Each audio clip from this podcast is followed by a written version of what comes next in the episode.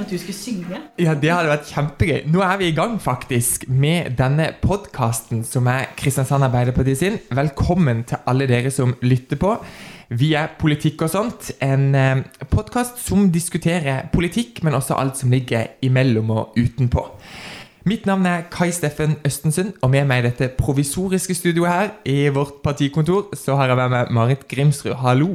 Hei, Kai Steffen. Hvem er du? Du, jeg heter da som sagt Marit Grimsrud. Er 29 år og kommer fra Oslo. Har forvillet meg ned til Kristiansand for nå i Kristiansand for ti år siden. Og jeg har en bakgrunn med master i samfunnskommunikasjon, og har akkurat vært så heldig å komme inn i dette vakre partiet. Fantastisk. Ja. Og du er en av de nyeste i styret i Kristiansand Det stemmer. stemmer. Kom inn nå etter jul. Så nå er jo da litt min oppgave å, å eh, kommunisere oss ut. Ja, og det har jeg fått lov til å være med på. Og sjøl er jeg så heldig å få lov til å være folkevalgt i fylkespolitikken, og har vært med i Arbeiderpartiet i noen år allerede. Så det er vel kanskje jeg som er han gamle i studio akkurat nå. Eller ikke helt den gamle, for vi har med oss en gjest også. Og han er litt eldre enn meg, og det er jeg veldig glad for. Kenneth Mørk han er en eh, fagforeningsmann, eh, men også nå eh, ordførerens rådgiver. Og har vært med i bystyret, dette er vel kanskje andre perioden din. Og vi er jo veldig glad for å ha deg i vårt provisoriske studio. Velkommen!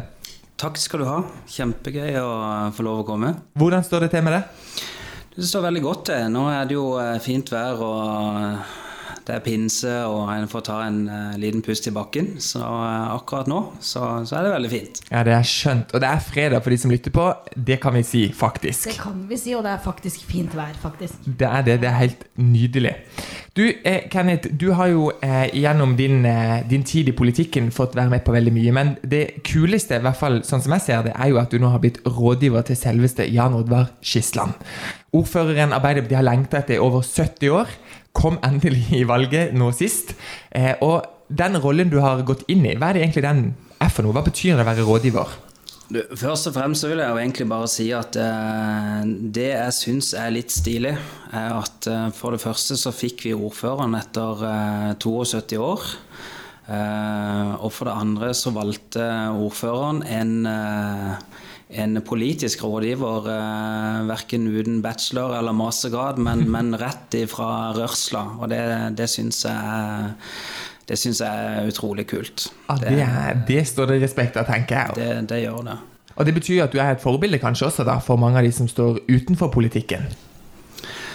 Jeg prøver i hvert fall å være det, men jeg tenker at det betyr nok at, eh, at han eh, setter pris på tydelige og, eh, og kraftfulle tilbakemeldinger. Eh, Så det er, nok, eh, det er nok noe av grunnen til at han spurte om jeg kunne tenke meg å ha den, ha den rollen. Det tror jeg. Ja, Det er typisk fagbevegelsen også kraftig i, i eh, det budskapet de kommer med. Men du har vært rådgiver snart et halvt år. Hvordan har det vært? Det har vært eh, utrolig lærerikt. Har, eh, jeg har lært ting jeg aldri hadde trodd at jeg skulle lære. Jeg har sett eh, det indre livet i eh, politisk ledelse og administrasjon, og samspillet, ikke minst. Eh, Og så har det jo vært eh, utrolig spennende å se det som eh, foranledninger til valget og, og eh, forhandlingene etterpå, og hvordan det politiske bildet har, eh, har endra seg faktisk litt den siste tida. Men hvor levende det, det er utrolig spennende å følge med på. altså. Ja, for Nå er jo jeg så heldig å få lov til å være med litt i politikken, så jeg skjønner jo litt av de tingene som skjer. Men hvis vi skal drive folkeopplysning for Marit, da, eh, som er helt ny i politikken, hva er det som liksom beveger seg i politisk ledelse? Hvor, hva, liksom, hva må man vite om politisk ledelse for å skjønne politikken? Altså Det jeg tror er viktigst å forstå, er jo at eh, valget, valget nå sist var jo, var jo noe som på en måte bekrefta en del trender eh, nedover i Europa, hvor en da eh, vanlige folk opplever en eller annen form for avstand mellom politikere og, og folk flest. Og det ble jo ganske tydelig for alle at vi vi, vi, var nødt til å signalisere en endring, og det tenker jeg det ville jo vært naturlig òg når, vi får- når vi får en Arbeiderparti-ordfører. Men, men det, var noe med den avstanden mellom folk og politikk, og spesielt toppledelsen politisk og administrativt, som var Han er blitt for stor. Mm. Han er blitt altfor stor, så vi er nødt til å dra, dra ned litt. Grann. Um, og der tror jeg ordføreren er en uh, utrolig fin mann uh, til å gjøre det. Han er jo jordnær. Han er folkelig. Han, han, du, du, må nesten, uh, du må nesten true han for å få han til å gå med en dress.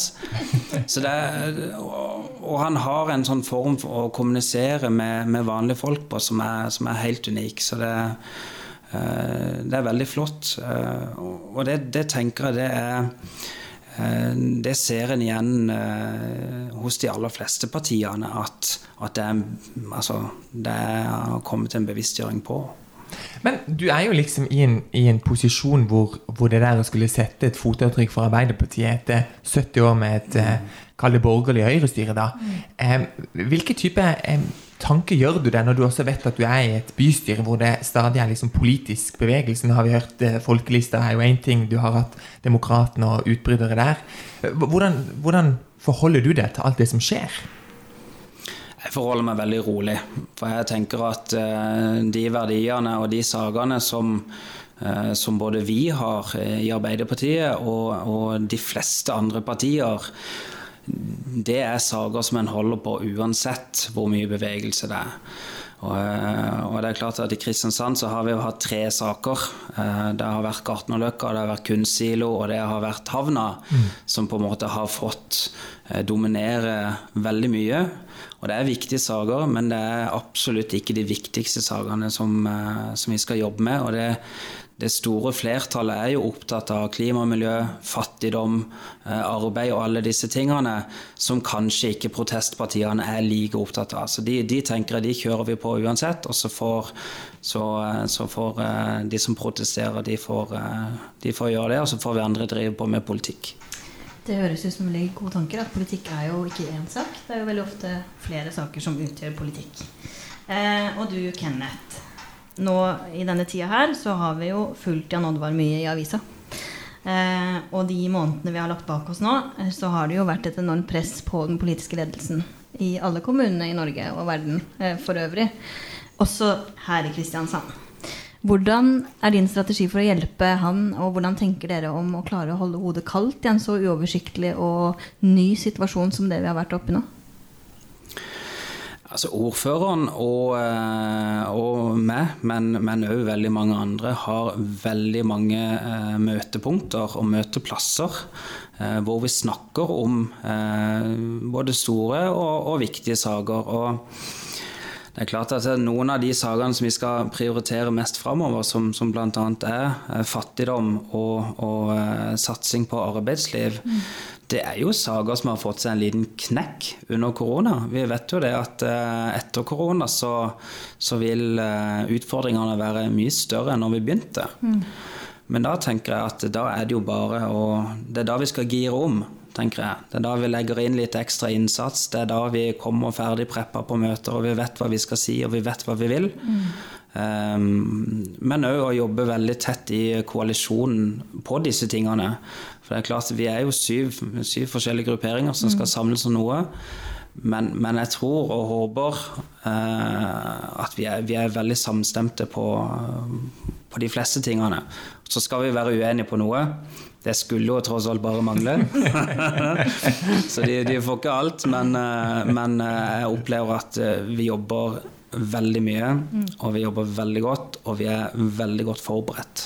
Det er kanskje det viktigste. Det høres jo veldig godt ut. Så du der hjemme med klumpen i halsen og stresset kan kanskje puste litt mer letta ut enn det du gjorde før i dag.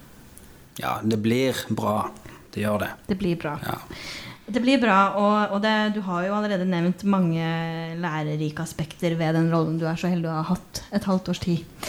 Hvis du skal peke på én eller to ting, da, hva, klarer du å si noe om hva som er mest utfordrende med den rollen du har?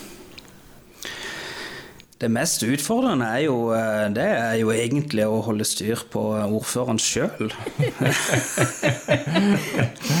han, er jo, eh, han er jo veldig glad i å si ja. Mm.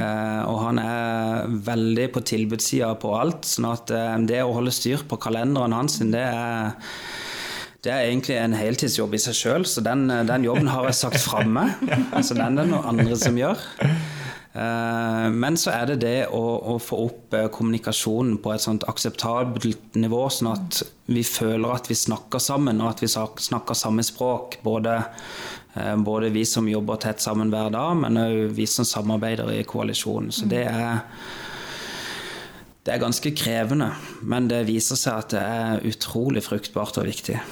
Og det liker jo jeg som har bakgrunn med kommunikasjon. Ja, det kan jeg tenke. Høre, ja, ja, dette er som musikk i mine ører. ja, men hvordan, jeg må spørre deg, Marit. Hvis du liksom skulle vært eh, rådgiver til ordføreren, hvordan ville du holdt styr på han da innenfor kommunikasjonsfeltet og kalender, ikke minst? Ville du tatt ansvar for kalenderen, kanskje? Har vi, har vi tre timer, eller? Nei, men jeg tror Kenneth er inne på noe veldig viktig som ble sagt innledningsvis her òg, eller tidligere. At uh, jeg tror mange, uh, deriblant meg eller andre som er ferske i det politiske gamet Kanskje du der hjemme så sitter og ikke tror du er politisk politisk interessert. Denne podkasten er jo laget litt med tanke på det òg. Eh, at politikk kan være mer enn det vi kanskje tror, og det, det er mer enn tørre ord. Og, og, du er inne på noe veldig viktig som handler om å minske dette avstanden mellom politikken og folket der ute. Og jeg tror også som du at eh, en ordfører som er tydelig, men også folkelig, eh, vil jo i seg selv representere folket mye enklere enn hvis du har en figur som på en måte hele tiden må argumentere for hvorfor han egentlig er folkelig. Eh, så det er jo noe med det, da. Eh, men, men, det er ikke lett. Det kan ikke være lett å kommunisere politikk. Nei, jeg tror du har rett i det. Men eh, jeg tror veldig mye handler om å gjøre det på en sånn måte at hvem som helst kan forstå det. Mm. Og det, du må tenke, Jeg har ikke lang fartstid i politikken sjøl. Dette er vel mitt femte år. Mm. Så sånn eh, i det gode selskap så er jeg fremdeles veldig fersk. Og jeg skjønner fremdeles ikke hvorfor vi skal skrive saksdokumenter som du nesten må ha en professorgrad for å forstå, eller hvorfor vi skal fortelle sider av en sak som er så vanskelig og intrikat at, at du egentlig går deg bort i dine egne ord. Det, det, skjønner jeg ikke, for det finnes jæklig mange måter å si ting på. Mm. Og det er jo bare å finne den enkleste måten, og det, det funker. Forenkling. Veldig. veldig. Det, det, er jeg helt enig med deg i. Eh, du snakker om dette at du ikke har vært eh, så lenge i politikken. Eh, nå syns jo jeg fem år høres mye ut i mine ører, men det skal ikke så mye til. Hva har du lært mest av så langt? Nå tenker jeg spesielt dette siste året da, med den nye rollen du har hatt. Er det noe som overrasket deg veldig? Nei, egentlig ikke.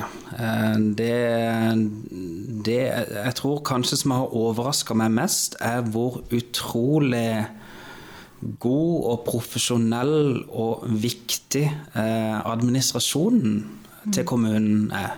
Det er jo ofte de som får kjeft når det skjer noe galt, og så er det aldri de du hører om når det skjer noe riktig. Mm.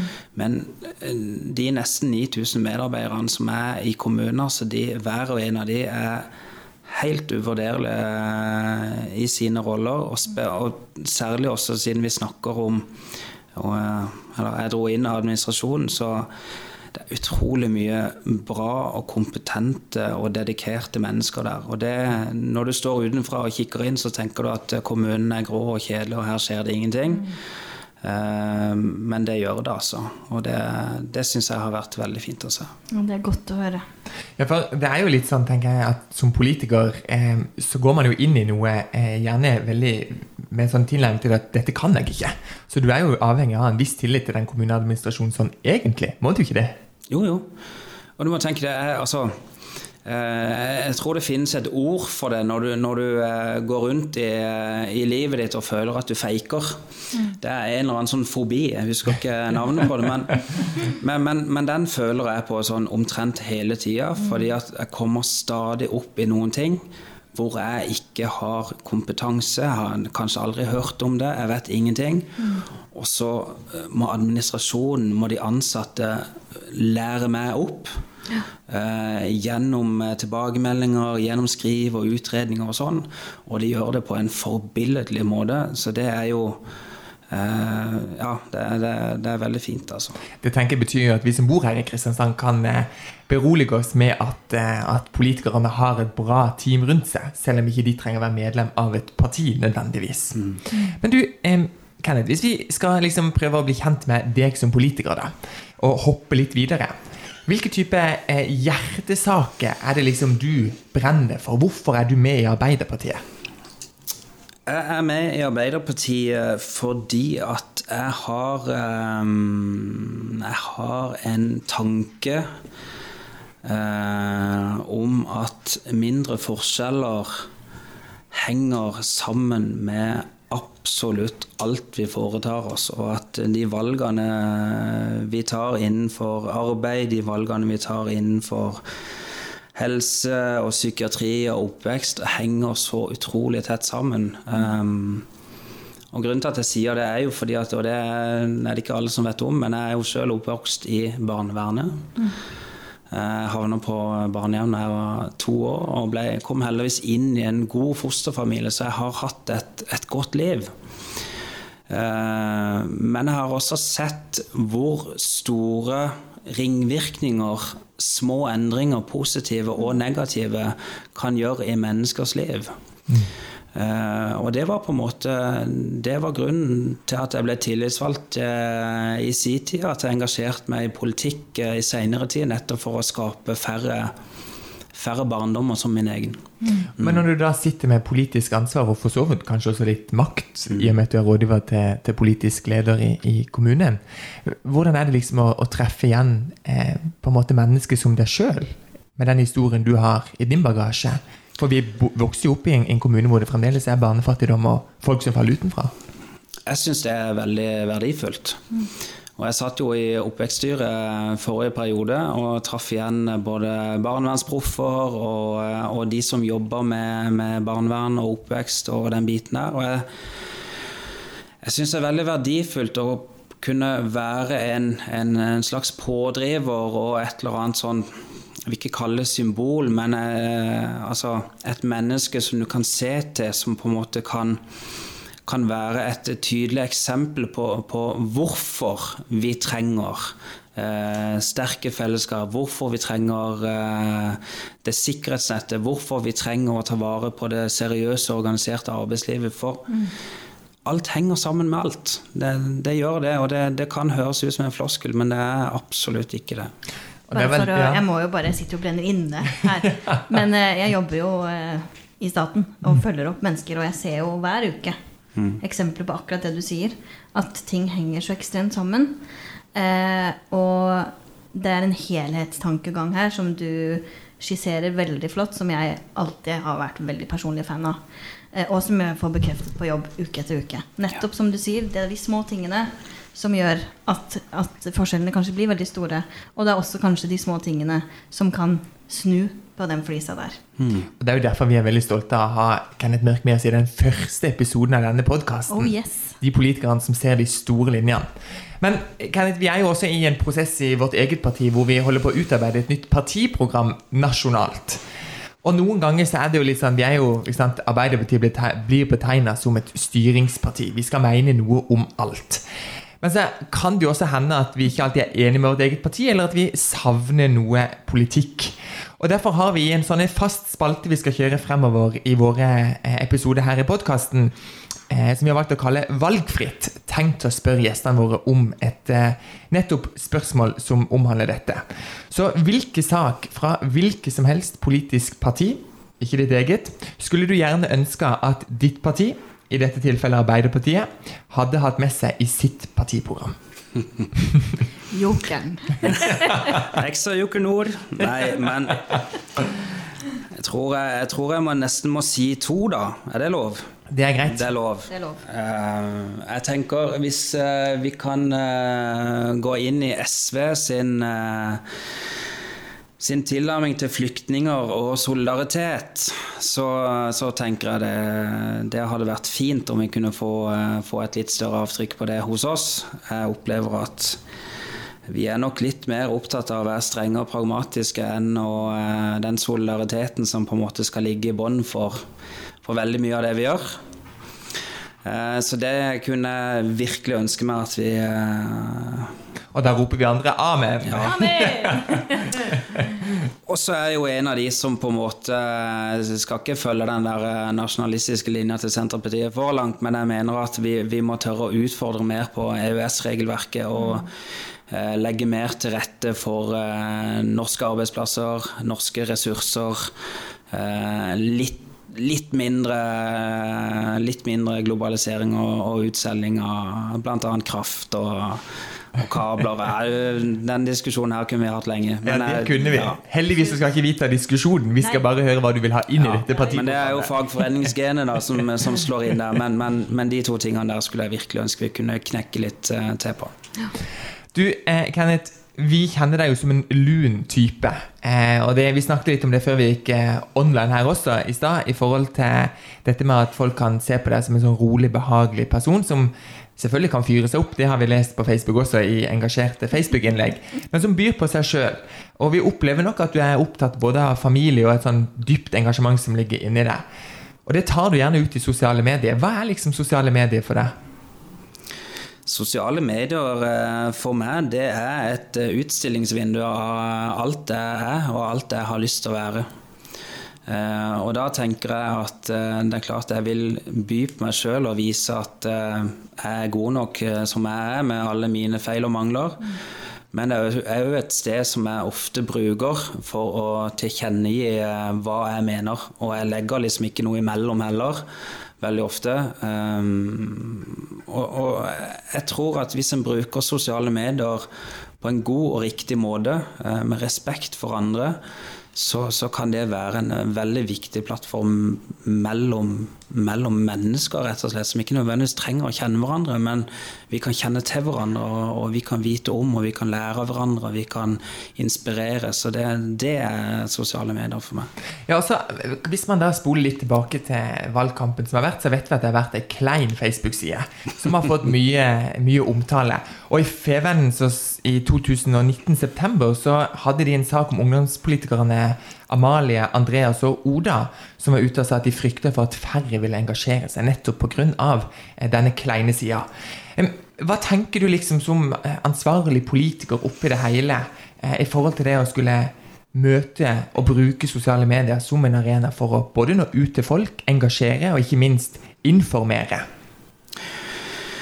Det gjør meg først og fremst eh, rimelig forbanna når eh, sinte, eh, gjerne hvite menn eh, skal ty til sosiale medier eh, og bruke det på en helt annen måte enn en, eh, det jeg gjør sjøl. Og, og med det så mener jeg å Rett og slett for å bruke det som en kanal for å tråkke på folk, for å spre fake news, for å skremme andre eh, til en eller annen form for enighet, det, det gjør meg ganske forbanna. Det gjorde det da òg. Men så blir jo ikke jeg så mye mer forbanna enn en, en du blir på Sørlandet. Så det var liksom sånn, jeg ble, ble så sinna at jeg nesten sa det til sant. Ja, det, det er litt der. Nei, men jeg mener det er eh, Og der tenker jeg at, at eh, spesielt vi som eh, er litt eldre, og kanskje i den der sinte hvite mann-målgruppa, må, må ta til orde og snakke mot disse her trollene. At vi, vi må stå opp og forsvare hverandre. Og det gjelder spesielt eh, Spesielt jentene har fått eh, gjennomgå. Eh, og de unge. Og det er hersketeknikker, og det er reinspikka ljuging og konspirasjoner. og Nei, det, har vært helt vilt, så det har vært eh, ekstremt viktig for meg å, å gå disse her folka i rette. Og så får jeg jo noe dritt i innboksen min pga. det, men det, det tenker jeg det lever jeg godt i. Det skal jeg ramme inn og vise til barnebarna mine. Nei, vi er jo inne på det nå. Du, du eh, gjør jobben lett for oss her, Kenneth. Du drar oss videre. Du trenger ikke programleder. Du kan bare sitte og ha sånn monolog. Eh, for du nevner jo dette her, disse erfaringene med nettroll og din, din uh, tydelige visjon i sosiale medier, som jeg syns er veldig flott. Og du er inne på noe veldig viktig. Jeg, eh, ja, Sosiale medier kan jo lett få litt hard medfart, og det er liksom så lett å være kritisk. Men så må vi ikke glemme den viktige funksjonen det kan ha. Men hva er dine erfaringer med disse nettrollene, da? Eh, Veldig mange av de er jo Altså, du eh, vi- har jo siden også snakka ganske mye om dette her med oss og med en annen i partiet. da, eh, Hvem disse menneskene er. og vi kjenner de ofte igjen på at de er eh, Og det er egentlig litt interessant. De er, de, de er gjerne litt oppi åra, og så har de gjerne ikke jobb. veldig mange av de. Uh, så, så kan en jo liksom dra den parallellen med, med at uh, virksomhet er roten til alt vondt og, og alt det der. Men, men, det er klart at hvis du sitter hjemme, uh, du har fått avslag på en eller annen søknad, livet går dem litt imot, så er det veldig lett å bli sint. Mm. Uh, og det forstår jeg, og det, det, har jeg tatt opp med mange av de som på en måte har vært verst også, at jeg, jeg, jeg forstår det. Ja, For du har kontakta dem? Ja, ja, selvfølgelig.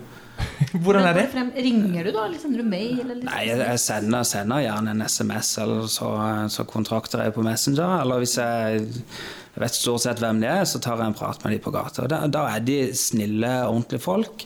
Men, men, i det øyeblikket de setter seg bak uh, en eller annen uh, mur eller uh, dekke, så, så, blir det til en annen person. Mm. Men det, det, tror jeg er litt viktig å ha med seg òg når en tenker på nettroll, for de har også en historie alle mobbere eh, har eh, gjerne en historie på samme måte som nettrollene har. Um, det er gjerne ja. en grunn til at man gjør som man gjør, som du så fint er inne på nå. Det er det. Ja. Uh, jeg tror det. Sånn at, uh, men som regel så er det snille og ordentlige folk, og de er virkelig uh, tusen ganger bedre når du treffer dem live. Har du vært redd for noen av dem? Nei. Nei. Jeg tenker jo at, at det, du, det, du, sier nå, er jo kanskje også litt i tråd med din, ditt politiske engasjement. At du treffer mange av de menneskene som ofte faller utenfor, eller som har møtt mm. på et system som ikke ivaretar dem. Mm. Så selv om det oppleves som en nettroll i kommentarfeltet, så er det vel kanskje også det som er ditt politiske prosjekt? Så For å være, for å være veldig personlig, da, så, så kjenner jeg meg jo jeg kjenner meg jo veldig mye igjen i veldig mange. Uh, I og med at jeg har, jeg har, vært på en ikke en klassereise, men jeg har vært på en, en, en annen reise. Uh, jeg har hatt en trøblete ungdomstid, og jeg har vært uh, ganske langt utpå og lang, ganske langt inne. Mm. Så jeg kjenner meg veldig igjen i veldig mange mennesker, og det, det tror jeg har en verdi både for de og for meg. Sånn at jeg får liksom ikke så mye tyn og pepper av det heller. Kenneth, det var det vi rakk. Tusen takk for at du eh, byr på deg sjøl, og at du er en eh, ekte politiker. Og med ekte så mener vi at du er den du er, med din historie og din bagasje. Skal akkurat til å si ekte, ja. Det, vi trenger ekte mennesker. Og enda finere er det å vite at du er rådgiver til han som sitter med all makt, om ikke i denne salen, i hvert fall mye makt. Mm. Ja, tusen, tusen, takk for at jeg fikk lov å komme. Kjempegøy. Vi er kommet til veis ende faktisk i eh, politikk og sånt. Og eh, vi vil takke alle dere som lytter på denne viktige podkasten som tar opp eh, viktige temaer, men kanskje også litt mindre viktige temaer noen ganger. I neste episode skal vi treffe Mette Gundersen og Kari Henriksen. Da skal vi snakke om eh, politikken før og etter koronasituasjonen. Følg med. Vi gleder oss, og vi er ekstremt er glade for at du lytter på vår podkast. Mitt navn er Kai Steffen Østensund. Og dette er Marit Grimsrud. Ha det bra. Ha det.